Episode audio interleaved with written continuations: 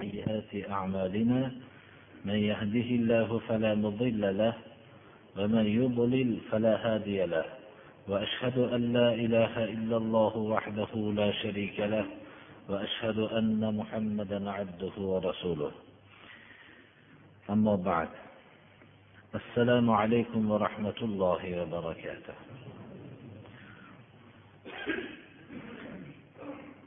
أستعيذ بالله هو الذي جعل الشمس ضياء والقمر نورا وقدره منازل لتعلموا عدد السنين والحساب. ما خلق الله ذلك إلا بالحق. يفصل الآيات لقوم يعلمون.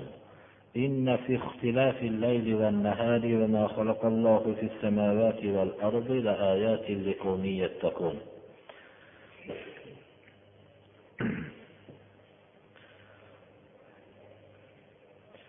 Alloh subhana va taolo mana bu oyatda oftobni viyo qilib yaratdi. Viyo deb o'zida nur bo'lib va atrofga ham nur taratib turgan shola bilan nur taratib turgan yorug'likni arab tilida viyo deydi. Ya'ni oftobning o'zidagi nur va atrofga ham nur taratib turgan va bu nur taratib turishligi shola bilan bo'lishligiga ishora qilyapti.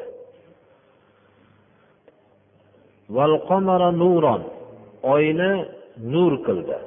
Oyni ziyo kalimasini oyda iste'mol qilmayapti. Ya'ni bu narsa dalolat qiladiki oyning nuri shola asosida bo'lmayotganligiga ishora bo'lyapti.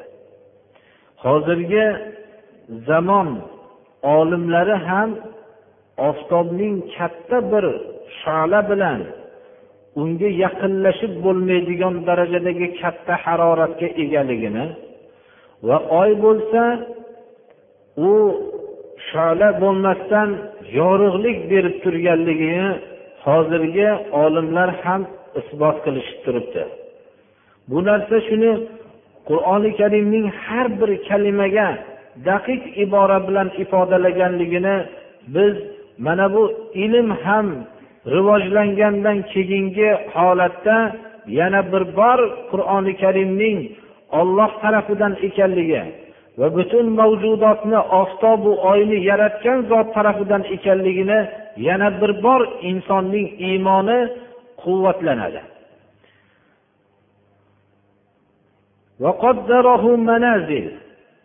Oyni alloh subhanahu va taolo bu oyga bir necha manzillarni miqdorlab qo'yganligini bayon qilyapti. Bu miqdorlashlik yil sonlari va hisobni bilishliginglar uchun shunday qildim deydi.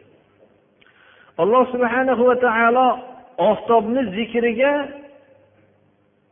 yilning sonlari va hisoblarini bilishlikni qayd qilmayapti. Ammo oyga shuni qayd qilyapti. Hozirgi butun hisob haqidagi mutaxassis olimlar va hamda uzoq vaqt tarixdan tajriba shuni ko'rsatyaptiki hisobni oy vositasi bilan oyning harakati ostida olingan hisob hech qachon xato bo'lmasligini mana bu hozir ham isbotlashib turibdi. Alloh subhana va taolo oyni zikridan keyin har kuni oy bir manzilda bo'ladi. U manzil bo'lishligi umumiy odamlar uchun hisob va oy yillarning sonini bilishliginglarga uchun deb qayd qilinishligi ham bir diqqatga bir o'ziga diqqatni tortadiki bu mana hijriy sananing hisobida biror bir xato bo'lmasdan kelayotganlik va shariat o'lchovlarining hijriy sanaga ya'ni oyning harakati asosiga bog'liq bo'lishligining ham siri shariatga bir tarafdan muvofiq bo'lsa ikkinchi tarafdan bu hisob qoidasiga ham muvofiqligiga dalolat qiladi. Shuning uchun ham ramazoni sharifning tutish ham bu oyni ko'rishlik asosiga va ramazonni tamomlashlik ham oyni ko'rishlik asosiga qayd qilingan birodarlar. Biz mana bu oyatlarni asosini bilar ekanmiz. Islomni davo qilayotgan mamlakatlarning hijriy sanaga bog'lanishligini ham siri shunda bo'lsa kerak vallohu alam.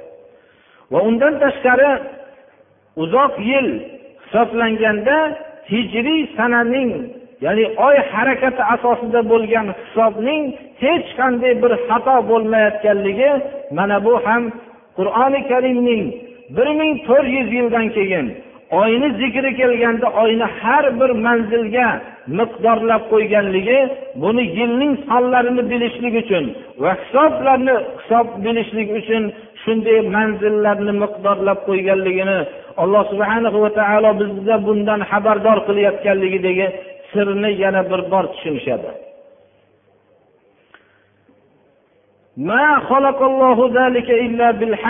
Alloh subhana va taolo bu koinoti yer va koinoti yerdagi bu sayyoralarni faqat haqiqat bilan yaratdi. Haq bilan yaratdi. Bularni ma'nosiz yaratgani yo'q. Bu kecha va kunduzlarning almashinishligining tagida ko'p hikmatlar bor. Bular ma'nosiz bo'lishligi mumkin emas. Bunchalik murakkab daqiq olamning sodda o'zining hech narsadan xabarsiz deb aytsak o'zining ilmiy jaholatga botgan odamlar tili bilan aytganda o'z öz o'zidan bo'lib qolgan emas bu narsa. Bu o'z öz o'zidan bo'lib qolgan deb davo qilayotgan kishilar agarki buni o'zlarining ilm deb atagan narsasi bilan isbotlashayotgan bo'lsa ham o'zlaricha isbot qilishayotgan bo'lsa ham buni biz ilmiy jaholat deb ta'bir qilsak to'g'ri bo'ladi birodarlar. Ya'ni ilmni davo qilingan jaholatdan boshqa narsa emas. Hozirgi ko'p odamlarning ya'ni alloh subhanahu va taoloni tanimasdan bu olamning yaratuvchisi kim ekanligini tan olmasdan bu yaratuvchi bo'lgan zotni borligiga iymon keltirmasdan qilinayotgan kashfiyotlar ilmiy kashfiyotlar bular bir nihoyat darajada ilmni davo qilingan jaholatdan boshqa narsa bo'lishi mumkin emas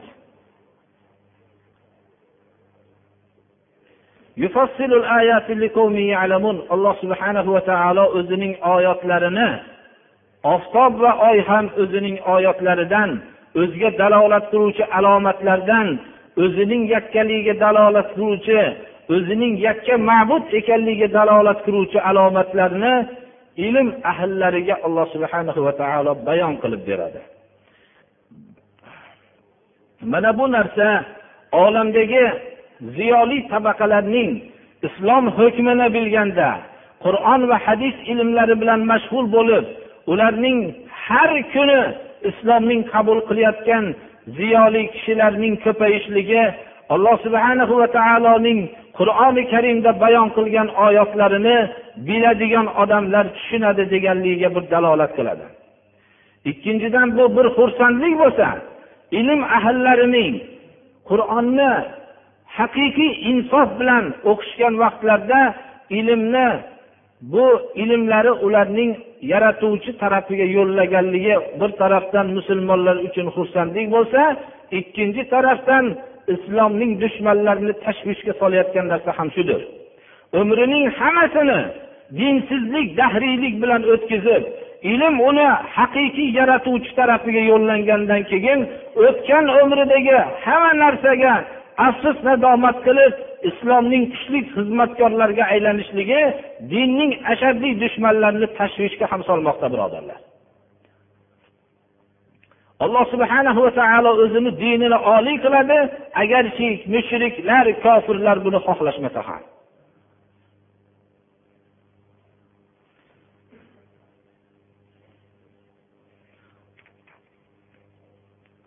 إن في اختلاف الليل والنهار kecha va kunduzining almashlanishligida.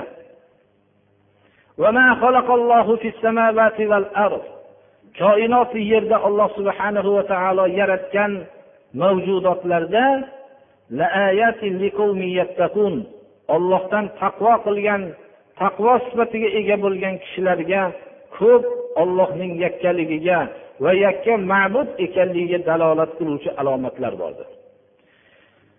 Kecha va kunduzining almashlanishligi bu juda katta bir hodisadir birodarlar. Lekin insonning bu kecha va kunduzning almashlanishligi doim tug'ilganidan tortib ko'z oldida bo'lishligi uning ajoyib bir katta hodisaligini esidan chiqarib qo'ygan. Bu odatda davom etib turgan narsa deb biladi. Kecha va kunduzining almashlanishligi ollohning qudrati bilan vujudga keladi. Olloh koinotda yaratgan bir qonuniyat bor. Shu qonuniyat asosida vujudga keladi.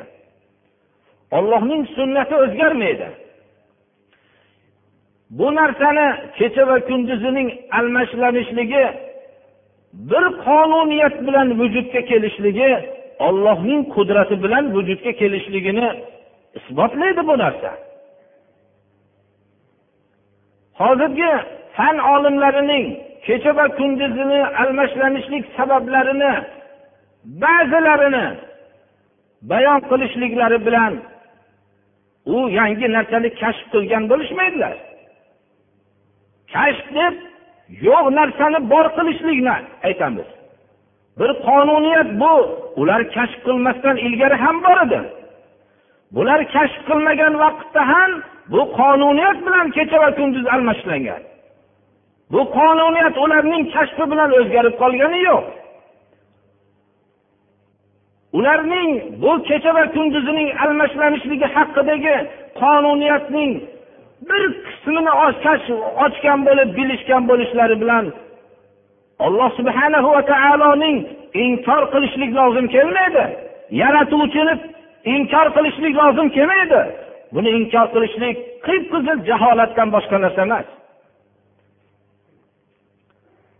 Ha ularning o'zlarining soxta olloh tarafidan kelgan dinni o'zgartirgan soxta dinlarida ular ollohdan qochishlikka majbur bo'lishdi ular. Ular o'zlarining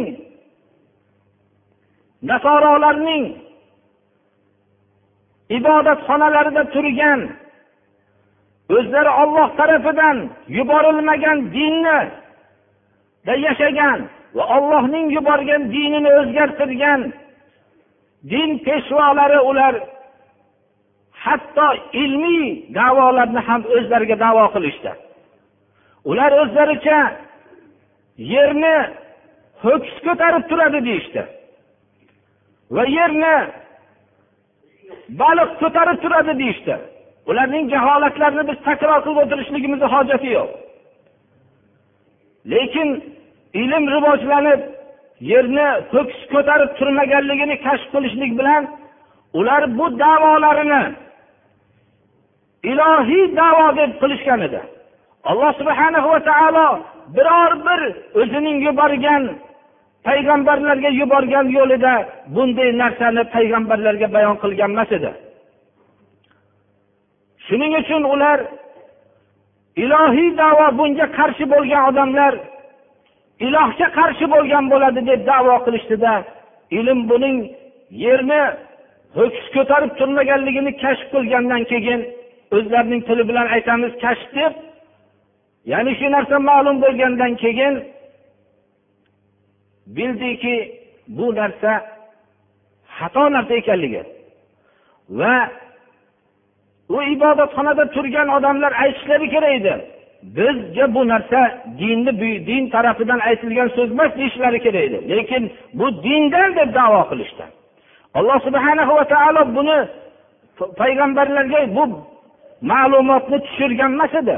U ma'lumotning ishora qiluvchi oyatlarni tushirgan edi ular shu oyatlar asosida o'zlarining aqllari bilan bu dunyo ilmlarini egallashlikka chorlagan edi. Ammo ular noto'g'ri narsalarni o'zlaricha topib olgan narsani davo qilgandan keyin ilm uning aksini topgandan keyin odamlar bu ibodatxonalarga kofir bo'lib ilmga iymon keltirishlikka majbur bo'lishdi. Shuning uchun ular ilm ilm ilohiga sig'inishib ketdi. Va shuning uchun u nasorolarning ibodatxonasida turgan kishilar bilan olimlar o'rtasida kelishmovchilik bo'lib hattoinki bu olimlarni qatl qilishlikkacha olib bordi. Hatto ba'zi olimlarini o'zlarining shu olimlarini urib boda bir tomchi qonini yerga to'kilmasdan bu najas bo'lgan odam deb to'kilmasdan o'ldirishlikka fatvo berishdi. Shunda uning tirik yondirishlikka muhtoj bo'ldi bu narsa. Tirik yondirib tashladi. Ammo islom olamida bundan necha yuz yillar ilgari yerning haqidagi ma'lumotlarni islom ulamolari kashf qilganda islom olamida olimini yondirishlik sodir bo'lgani yo'q. Bular o'zlarining urubboda sodir bo'lgan voqealarini islomga ham to'ngamoqchi bo'lishdi. Va islomni bilmagan yosh avlodning qalbini shu urubboda sodir bo'lgan nasorolarning o'zlarini yo'llarida sodir bo'lgan vahshiyona voqealarni islomga tadbiq qilishmoqchi bo'lib yosh avlodni shunga dinga nisbatan umuman islomga nisbatan mana shunday qarshi manzilatda qo'yishlikka sabab bo'ldi. Lekin qur'oni karimda biror bir joyda bizga bunaqa ma'lumot kelmagan edi. Koinoti yerni alloh subhanahu va taolo o'zi yaratgan edi. Qur'oni karimni o'zi tushirgan. Shunday bo'lgandan keyin alloh subhanahu va taoloning koinotdagi haqidagi bergan ma'lumoti qur'oni karimda koinotdagi bor ma'lumotga zid bo'lishligi mumkin emas edi. Lekin shu bilan birga biz shuni yaxshi tushunmoqligimiz kerakki qur'oni karim ma'lumotiga hamma insonlarning topgan ma'lumoti tobe manzilatda bo'lmoqligi kerak. Qur'oni karim vahiydir. Vahiy o'zgarmas bir ilmdir. Qiyomatgacha bu vahiy o'zgarmas ilmni o'z ichiga oladi. Qur'oni karimda u fan sohasidagi daqiq nuqtalarni aytilmadi. Ularga ishora qilib ketdi. Chunki bu qur'oni karim fan kitobi emas birodarlar. Hidoyat kitobi. Bashariyatning haqiqiy dunyoyu oxiratdagi saodat yo'lini ko'rsatdi va ilmiy bo'ladigan har xil koinot sirlariga qarashlikka qur'oni karim chorladi va bu chorlash natijasida tez kunda islom olamida katta ulamolar yetishib chiqdi. Ko'rsatsin o'zlarini olimlarini boshqa millatlar. Ularning olimlarini eng avvalambor ko'rsatiladigan bo'lsa uch yuz ellik yildan u yoqqa o'tmaydi birodarlar. Ular topgan ma'lumotlar ham salib urushlaridan sodir bo'lib salib urushlari vositasi bilan islom olamidan to'g'riroq ta'bir bilan aytganimizda o'g'irlab olib ketilgan ilmdan boshqa narsa emas birodarlar. Shuning uchun qur'oni karimni biz har bir oyatini diqqat bilan o'qir ekanmiz. Bizni alloh subhanahu va taolo haqiqat yo'liga yo'llagan.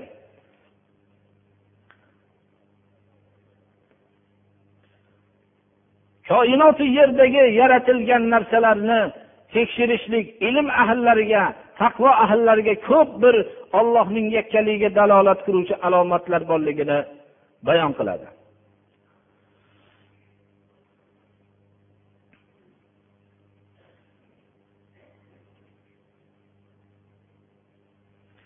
inshaalloh bu haqdagi ilmiy darslarimizni o'zini o'rni kelganda oyatlar yana ham bu haqda tafsilotliroq aytgan o'rinlarda inshaalloh avvalgi darslarimizda ham ba'zilarini bayon qilganmiz kelajak darslarimizda inshaalloh bayon qilamiz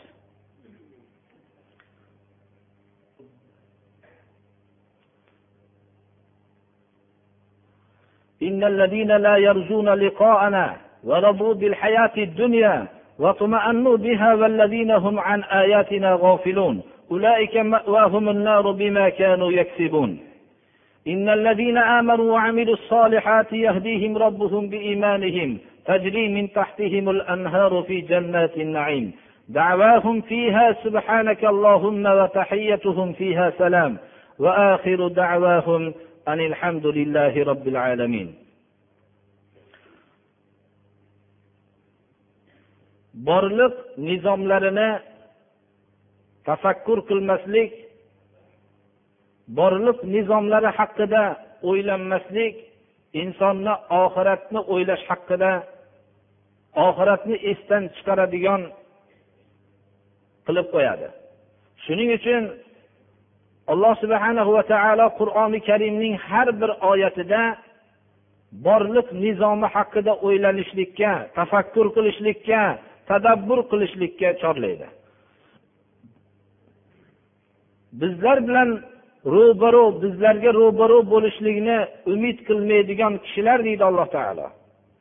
Qiyomatda ollohga ro'baro bo'laman degan haqda o'ylamagan kishilar buni umid ham qilmagan kishilar hayoti dunyonigina ixtiyor qilgan kishilar shu hayoti dunyoning o'zi bilan tinchlanib shunga moyil bo'lgan odamlar. Bizlarning qur'oni karimdagi bayon qilingan oyatlardan g'ofil bo'lganlar va koinotdagi oyatlarnidan g'ofil bo'lgan odamlar.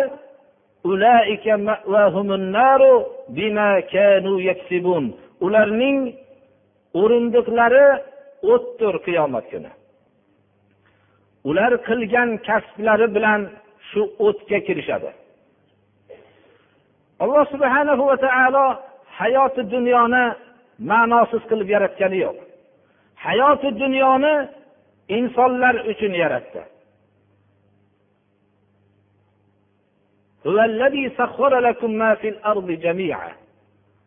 Butun olamdagi hamma narsani sizlarga olloh bo'ysundirdi deb ollohgina bo'ysundirdi deydi. Haqiqatda ham insonga hamma mavjudot bo'ysunadi. Katta katta suvliklar insonga bo'ysunadi. Shunchalik dahshatli voqealarga sabab bo'layotgan suvlar ham insonga bo'ysunadi. Inson shuni o'ziga bo'ysundiradi. Qayerdan bu bo'ysundirish quvvatini olgan? Olloh bo'ysundirgan shu mavjudotni insonga. Katta katta maxluqlar inson haybati oldida insonga bo'ysunadi agar mabodo quvvatli bir hayvon bir shaharga kelib qolsa birodarlar biror inson bunga to'qnasha olmaydi. Ammo inson shu hayvonlarni hammasini bo'ysundiradi bu bo'ysundirish quvvatini alloh subhana va taolo bergan quvvatdan oladi.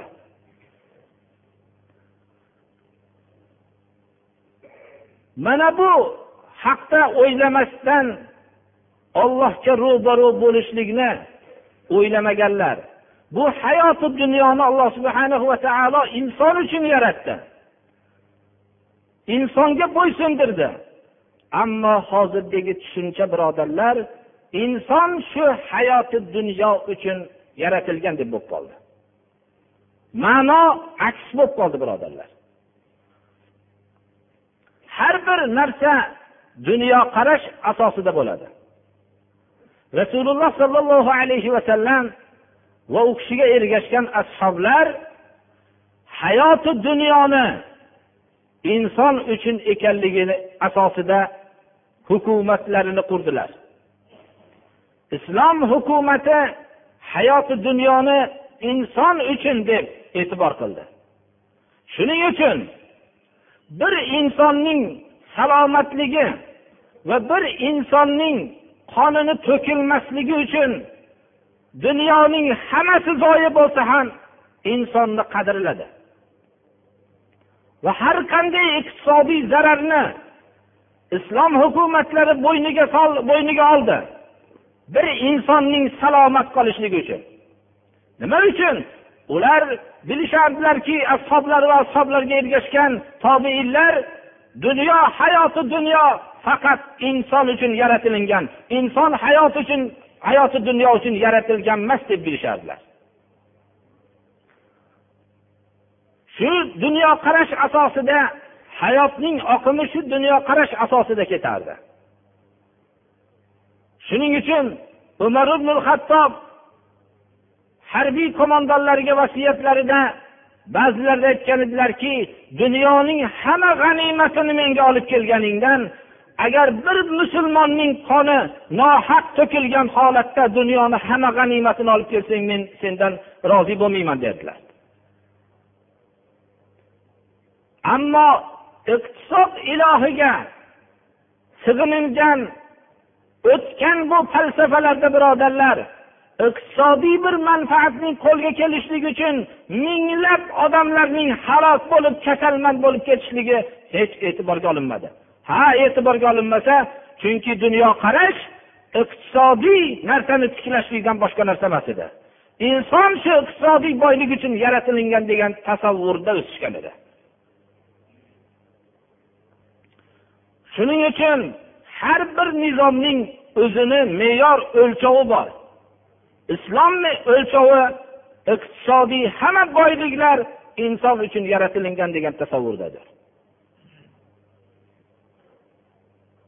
Shuning uchun iqtisodiy zararlar bo'lsa ham insonlarning tandurustliklari va ularning ma'naviy boyliklarini qo'lga keltirish yo'lida har qanday iqtisodiy zararlarni islom hukmi barpo bo'lib turgan diyorlar ular foyda qildik deb tushunishadilar. Ammo iqtisodiy har qancha yuksalishsa bir insonning nohaq zulmlanganligi topilsa juda katta zarar qildik. Alloh subhanahu va taoloning huzurida qattiq bir mas'ul bo'ladigan holatda qoldik deb tushunishadilar. Shuning uchun biz har bir narsa dunyoqarash asosida bo'ladi. Hozirgi vaqtda ham bu iqtisod ilohiga sig'inishlikning ta'siri. Ming afsuslar bo'lsinki musulmonlarda qoldi birodarlar. Biror bir kishi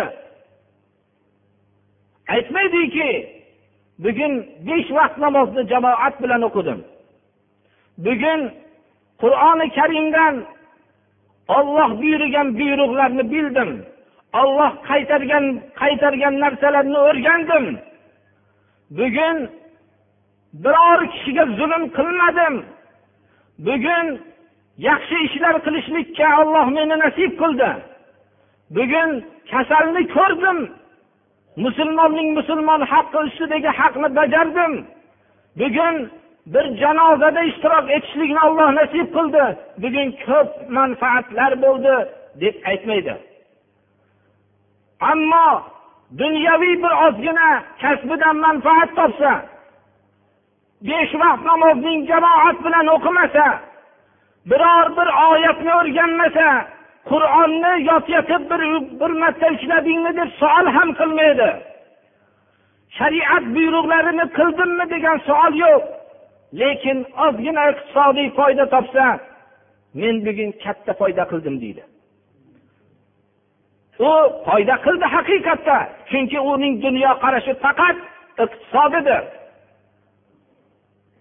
Birodarlar bu hayot bizni shunday yo'lga olib ketyaptiki ollohga ro'baro bo'lishlikni esdan chiqaryapmiz biz.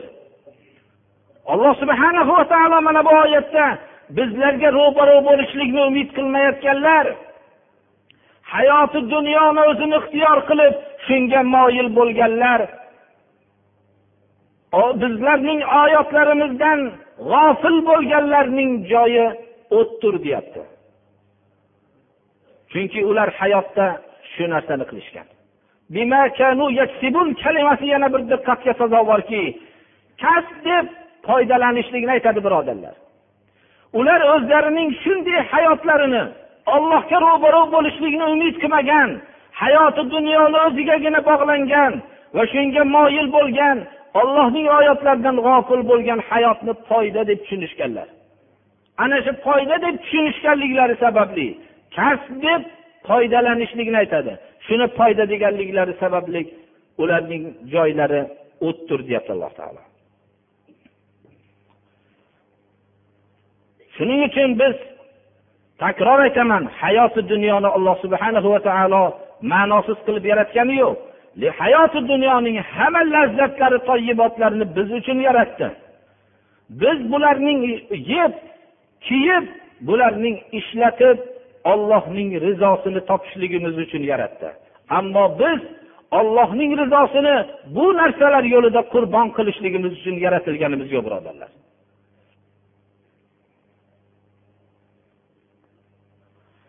إن الذين آمنوا وعملوا الصالحات يهديهم ربهم بإيمانهم إيمان keltirgan kishilar solih amallarni qilgan kishilar robbilari iymonlari sababli ularni haqiqat yo'liga yo'llab qo'yadi.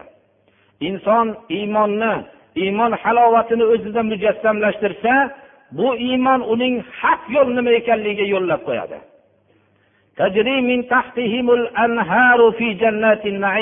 Yaqin kunda ularning ostlaridan anhorlar o'tadigan jannatda bo'lishadilar. Anhorning suv doim insonning muhabbat qilgan narsasi bo'lib qolyapti. Har qancha madaniyatlik uslubda suvlar uylarga keltirilishligi bilan birga baribir ostlaridan oqadigan anhorlar go'zalligicha qoldi va odamlarning yagona orzulari shu bo'lib qoldi.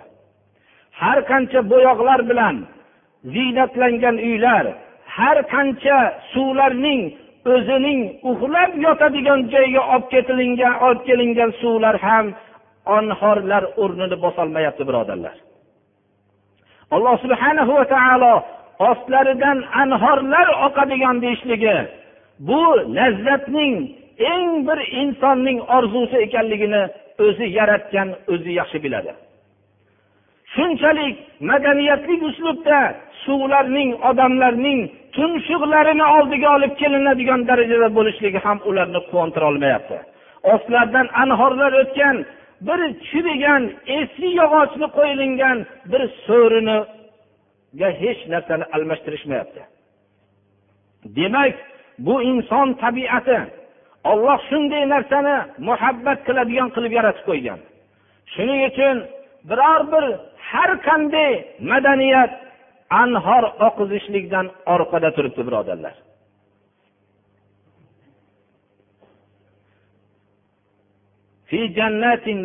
Bu anhorlar sahroda emas birodarlar. Jannat bog'larda. Bog'lar bo'lib ham ne'matlar bog'larida ostlaridan anhorlar oqadi. Shunday jannatlarda ular yaqin kunda bo'lishadilar. Iymon va amali solih qilgan kishilar. Bularning iymonlari shunday jannatga ularni yo'llaydi. Robbilari iymonlari sababli shunday jannatga ularni yo'llaydi. Jannatda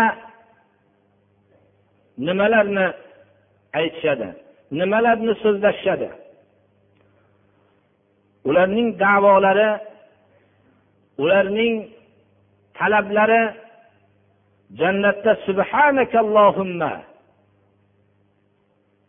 yo olloh o'zingni zotingni isbotladingni ayblardan poklaymiz. Subhanakallohumma ajablangan holatdagi aytilinadigan so'z birodarlar. Tahiyyatuhum fiha salam. Ularning o'zlariga bergan salomlari o'zga ahli jannat birodarlariga bergan so'zlari va rahmon taoloning farishtalariga bilan bo'lgan gaplashishliklari salomdan boshqa gap bo'lmaydi. Ularning oxirgi talablari talab so'ralgan vaqtida alhamdulillahi robbil alamindan boshqa narsani talab qilish olmaydi. Insonni bir podshoh inson bo'lgan podshoh katta bir qasriga talab taklif qilsayu shu qasrda uning talabini hamma narsalari bo'lsa inson hozirlagan talablar nima ham bo'lishi mumkin edi? Odatda qodir bo'lgan narsalarning borini qila oladi. Mana bu qasrda hamma ne'mat sabablarni muhayyo qilsa bir hojat bo'lgan narsa talab qilinsin deb tursayu shunda u boshqa bir so'z aytolmaydi birodarlar. Subhanakallohumma assalomu alaykum. Alhamdulillahi robbil alamin. Bu bu minnatdorchilikdan boshqa kalimani aytolmaydi u talab qilishligida davom etavergan sari bu minnatdorchiligida talab qilaveradi davom etaveradi birodarlar. Jannatda inson hech bir narsani talab qilolmay qoladi. Alloh robbil alamin podshohlarning podshohini ziyofatida bir oddiy insonning ziyofatida shuncha dovdirab qoladiyu. Podshohlarning podshohi va ko'z ko'rmagan quloq eshitmagan ne'matlar bilan uning burkat tashlagan o'zi ko'z ko'rmagan va quloq eshitmagan qasrlarda turgan vaqtida uning boshqa so'zi yo'q bo'lib qoladi. Subhanakallohumma salam! Alhamdulillahi robbil alamindan boshqa so'z aytolmay qoladi. Alloh subhanahu va taolo mana bu joyda ularning talablari shu bo'ladi deb. Talablari shu. Haqiqatda ham bir oddiy sizni mehmon qilib sizni mamnun qilgan soatda o'zingizni yo'qotib qo'yasiz. Undan hech bir narsa talab qilolmaysiz u talabni to'xtatmagan sari siz minnatdorchiligini to'xtatmaysiz.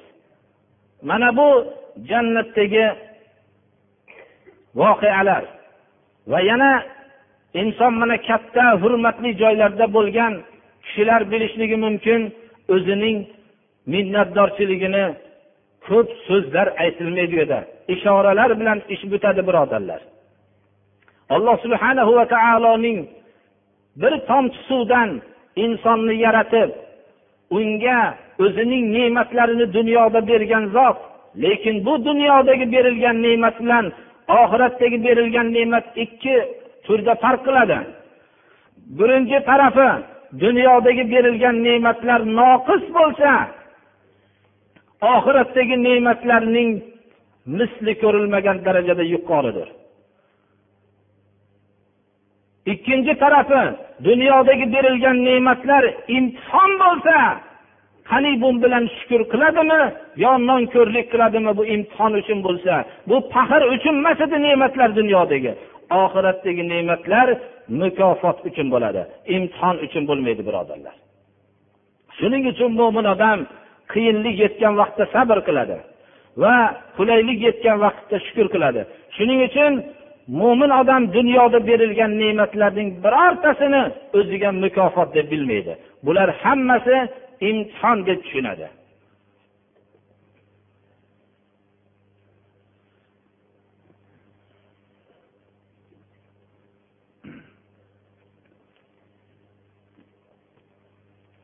Taolo bizlarni ham hammamizni olloh o'zi va'da qilgan jannatga loyiq amal qilolmaymiz birodarlar. Lekin shu amal sabab bo'ladiki iymon va amali solih yo'liga alloh taolo yo'llasin. Jannat yo'liga olib boradigan amallarga alloh hammamizga tavfiq bersin.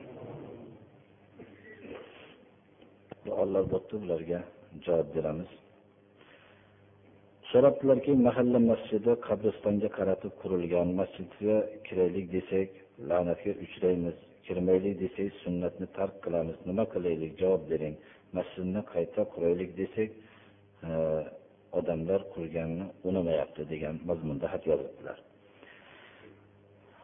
Birinchi rasululloh sollallohu alayhi vasallam vafotlaridan besh kun ilgari deyishadilar ba'zi rivoyatlarda. Oxirgi hadislari deb aytmoqchimiz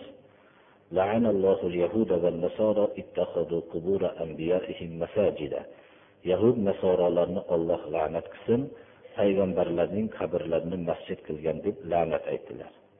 Shuning uchun qabristonga masjid qurilayotgan bo'lsa u yerga pul yordam berishlik mumkin emas birodarlar. Agar masjidni qabristondan ajratib urib to'sib qo'yilgan bo'lsa ya'ni bir qirg'oqda alohida qabriston emas deydigan qilib to'sib qo'yilinsa unda ibodat qilish bo'ladi. Qabriston agar qibla tarafida bo'lib qabristonni bekitilmagan bo'lsa ihota qilinmagan bo'lsa devor bilan unda o'qishlik mumkin emas birodarlar. Bizni bilgan narsamiz hadislardan shu narsani ko'rsatadi. Din dushmanlari ko'proq qabristonlarga masjid qurishlikni o'rgatishlik sababi shu yerda duolar ijobat bo'lmay qolsa ularning mustamlaka qilib bosib yurishlik oson bo'ladi. Duolari ijobat bo'lmaydi deb qabristonlarga masjid qurishlikka dushmanlar harakat qilgan.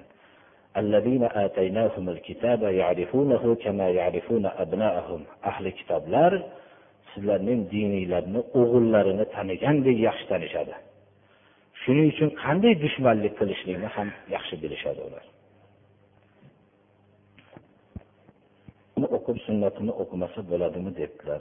Bu yerda bu durust emas birodarlar. Rasululloh sollallohu alayhi vasallamga biz ergashmoqligimiz kerak. Namozni farzini o'qib o'qishlik masjidda o'qishlik afzal sunnatini uyda o'qishlik afzal. Mabodo boshqa narsa bilan shug'ullanib ketadigan bo'lsa sunnatini ham masjidda o'qib oladi.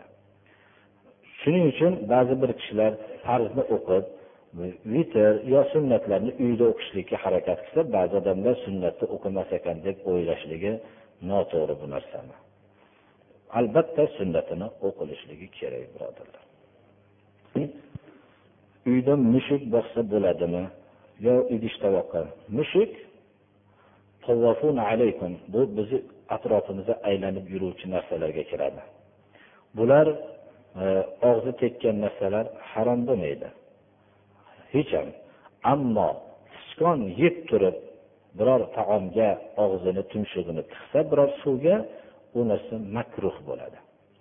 Shu shu sichqonni yeb turib shu narsani qilganligi ma'lum bo'lsa makruh bo'ladi. Balki ot mol shunga o'xshash go'shtni yesa bo'ladigan hayvonlarning ichgandan qolgan suvga tahorat qilsa bo'ladimi debdi go'shtini yeb bo'ladigan hayvonlardan ichgandan qolgan suv pokizadir tahorat qilsa bo'ladi. Odam aytdiki mavizangizni eshitib orqangizda namoz o'qigan kishilarni ba'zi tahoratlari tang bo'lib shu farzni o'qiolmay qolishlikka ham sabab bo'ladi debdilar birodarlar. To'g'ri biz namozni vaqtini ba'zi vaqtda rioya qilamiz.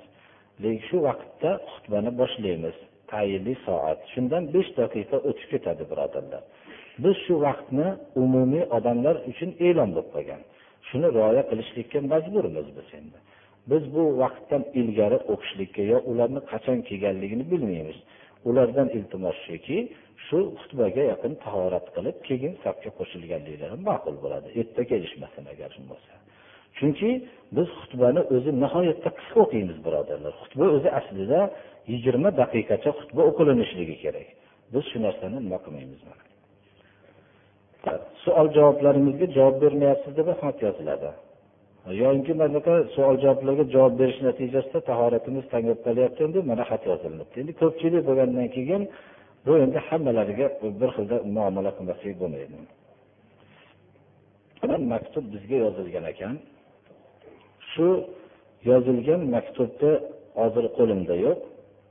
Shu jumada javob berilishligini qattiq bir talab qilishgan ekan. Bu narsa shuki ayollarni ba'zi bir ziynatlar bilan masjidga kelishligi haqida ekan. Shuni haqida gapirilsa deb. Ayollarning masjidga ziynatlar bilan kelishligi xato ekanligi haqida biz agar shu ayollar masjidga kelayotgan bo'lsa gapirganmiz. Ziynat deb o'zini xushbo'ylanish va qalam va hamda boshqa bir bo'yoqlarni iste'mol qilishlikni ziynat deyiladi. Va nihoyatda o'ziga tortadigan libosni kiyishligini aytiladi. Ammo shu yerda hatto yozilganki massi kiyishlik haqida ko'p yozilinibdi va ba'zi joylarda massi kiyganlik bilan ularni maqtagan bo'libdi. Massi kiyishlik o'zi aslida ayollarni sahobalarning ayollari massi kiyganmi kiymaganmi degan savollar ham bor. Sahobalarni ayollari massi kiygan emas ularning ayollarida bunaqa massiki bunaqa u diyorlar issiq joy buni kiysa u ayollarida bir ko'plari yalangoyoq yurishganlar. Biz yalangoyoq yursak kasal bo'lib qolamiz. Ular mast kiysa kasal bo'lib qolishadi juda issiq joy birodarlar shuning uchun lekin toychalarda qo'ng'iroqlar shunaqa narsalar bo'lishlik jiyaylariga ziynatli narsalarni taqib kelishlari masjidgagina emas balki ko'chalarda ham ziynatli jiyaylarni qadab yurishlari shar'an durust emasdir ammo oddiy holatda oddiy kiyimlarni kiyib kelishlari bu masjidga durust. Shuni ham shunday kelayotgan ayollar bor deb aytishyapti. Biz bu ayollarning birodarlar birinchi biz bularni ko'rmaymiz. Ikkinchidan u ayollarning u yerga kelishlari birinchi bugun kelayotganlari ham bor. Shuni ham hisobga olmoqlik kerak birodarlar. Demak bizni jomini bir madrasasi masjidida eshikni tagida libosiga qarab kirgizadigan maxsus odamlarimiz yo'q birodarlar. Shuning uchun ular o'zlarining taqvolariga bog'liq. Masjidga kelgan ayollar indamasdan kelib juma namozlarini o'qishib sunnatga muvofiq o'tirishib juma namozlarini o'qib ketishsinlar. Bu yerda har xil baland past gap topishlar bu yerda birovga kuyov topishlar bunday ishlar mutlaqo bo'lmasin. Juma namoziga kelgan ayollar juma namozini o'qishsin xutbalarga quloq solishsin darslarga quloq solib namozni o'qishib ketishaversin. Agar biz umumiy tilda aytamizki bu yerda ziynatli kelgan ayollar ziynatlarini ko'rsatib kelgan ayollar gunohkor bo'lishadilar. Lekin bir kishi masni kiyishlik dindan masni kiymaslik dinsizlik deb aytishligi bu hech qachon mumkin emasdir birodarlar. Ayollar shu narsa haqida bir qattiqroq nima qildilar va shu bilan birga bir alohida bir maktub bo'libdiki bugun bir ayollardan bir jamoa shu yerga birinchi marta namoz o'qigani kelishyaptilar shularni haqqiga duo qiling debdilar. Ba'zilar e, bir betobligi haqida shikoyatchilar ba'zilar mazlumligi haqida maktub yozibdilar alloh najot bersin deb. Ba'zilar masalan farzand alloh taolo bizga ato qilsin debdi. Ba'zilar shunaqa endi ko'pchilikni xati o'zini ba'zilar o'g'il farzand ollohdan so'rabdi. Shunga o'xshagan ba'zi kishilar bir jismonan shikastlanib qolganligi uchun alloh taolo shifo bersin duo qilinglar dedilar alloh subhana va taolo hammalarini maqsadlarini shar'iy maqsadlarini alloh taolo bersin. Alloh taolodan mana tilagan narsasi shariatga muvofiq narsalarni so'rashdilar. Alloh taolo shularni maqsadini bersin. Hammamizni ham gunohlarimizni mag'firat qilsin ibodatlarimizni qabul qilsin. Alloh subhanahu va taolo haq yo'lda barqaror qilsin. وصلى الله تعالى على خير خلقه محمد وآله وأصحابه أجمعين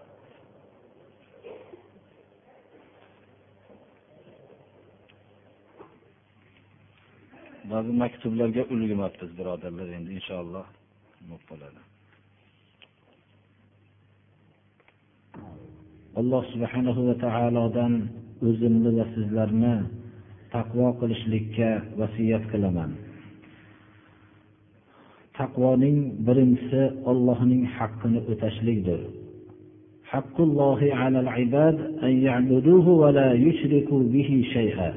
Ollohning bandalar ustidagi haqqi ollohga ibodat qilishliklari hech bir narsani sharik qilmagan holatlarida. Bu haq o'talmagan hayot hech qaysi bir haqni o'talmayapti deb biz davo qilsak haq bo'lamiz birodarlar. Ollohning haqqi o'talmagan hayot zoye bo'lgan hayotdir. Ollohning o'zigagina ibodat qilib agar ollohga hech bir narsani sharik qilmasa insondan sodir bo'lgan xatolarni alloh subhana va taolo xohlasa kechadi. Xohlasa shu xatosiga yarasha azob beradi. Ammo ollohning haqqini o'tamasdan o'zini istilohida yaxshi deb yurib qilgan amallarni qilsa olloh uni kechirmaydi alloh subhanahu va taoloning haqlaridan besh vaqt namoz o'qishlikdir rasululloh sollallohu alayhi vasallam mana hadisi qudusiy alloh azza va jalladan rivoyat qilib aytadilarki وما تقرب إلي عبدي بشيء أحب إلي مما افترضته عليه alloh subhanahu va taolo aytadiki meni bandam menga men farz qilgan narsa bilan farz qilgan narsadan ko'ra suyumliroq narsa bilan menga yaqin bo'lmadi deydi. Demak olloh farz qilgan amallar bilan yaqin bo'lishligimiz ollohga eng suyumlidir birodarlar. Bundan boshqa narsalar hammasi keyingi o'rinda turadi. Olloh farz qilgan narsalar besh vaqt namozni barpo qilish zakotga qodir bo'lsa zakotni o'tashlik ramazon oyida ro'za tutishlik va qodir bo'lsa hajga borishlikdir bu farz bo'lgan amallarning ba'zilaridan shu jumladandir alloh subhanahu va taolo mana bu gunohi kabiralardan o'zimizni tiyishlikka buyurdi من أكبر الكبائر الشرك بالله وعقوق الوالدين وشهادة الزور dedilar rasululloh sollallohu alayhi vasallam Gunoh kabiralarning ichidagi eng kattalari. Gunoh kabiralar ba'zilarning aytishicha yetmishta ba'zilarniki undan ham ko'p. Lekin gunoh kabiralarning ichidagi eng katta gunoh kabiralar birinchisi allohga shirk keltirish ikkinchisi ota onaga osiy bo'lish va yolg'on guvohlik berishlikdir birodarlar. Hozirgi vaqtda yolg'on guvohlik berishlik nihoyatda ko'paygan birodarlar. Rasululloh sollallohu alayhi vasallam mana bu so'zni aytganlarida yonboshlab turgan edilar. Shahadatu zur yolg'on guvohlik berishlikni bayon qilganlarida va shahadatu zur va shahadatu zur deb takrorlovdilar deydilar roviy. Hatto biz bas qilsalar bo'lardi deb rasululloh sollallohu alayhi vasallamning har qancha ko'p gapirsalar oz deydigan sahobalar shahodati zurni shunchalik ko'p takrorladilarki endi bas qilsalar bo'lardi deb shunday aytdik deydilar demak yolg'on guvohlik berishlik gunohi kabiralarning ichidagi eng kattalaridan hozirgi vaqtda eng shoyi bo'lgan narsadir birodarlar. Shuning uchun mana bu narsa bilan inson eng katta gunoh kabiralarni qilgan bo'ladi. Alloh subhana va taolo gunoh kabiralardan o'zini tiygan kishilarga boshqa xatolarni kechirishligini va'da qildi.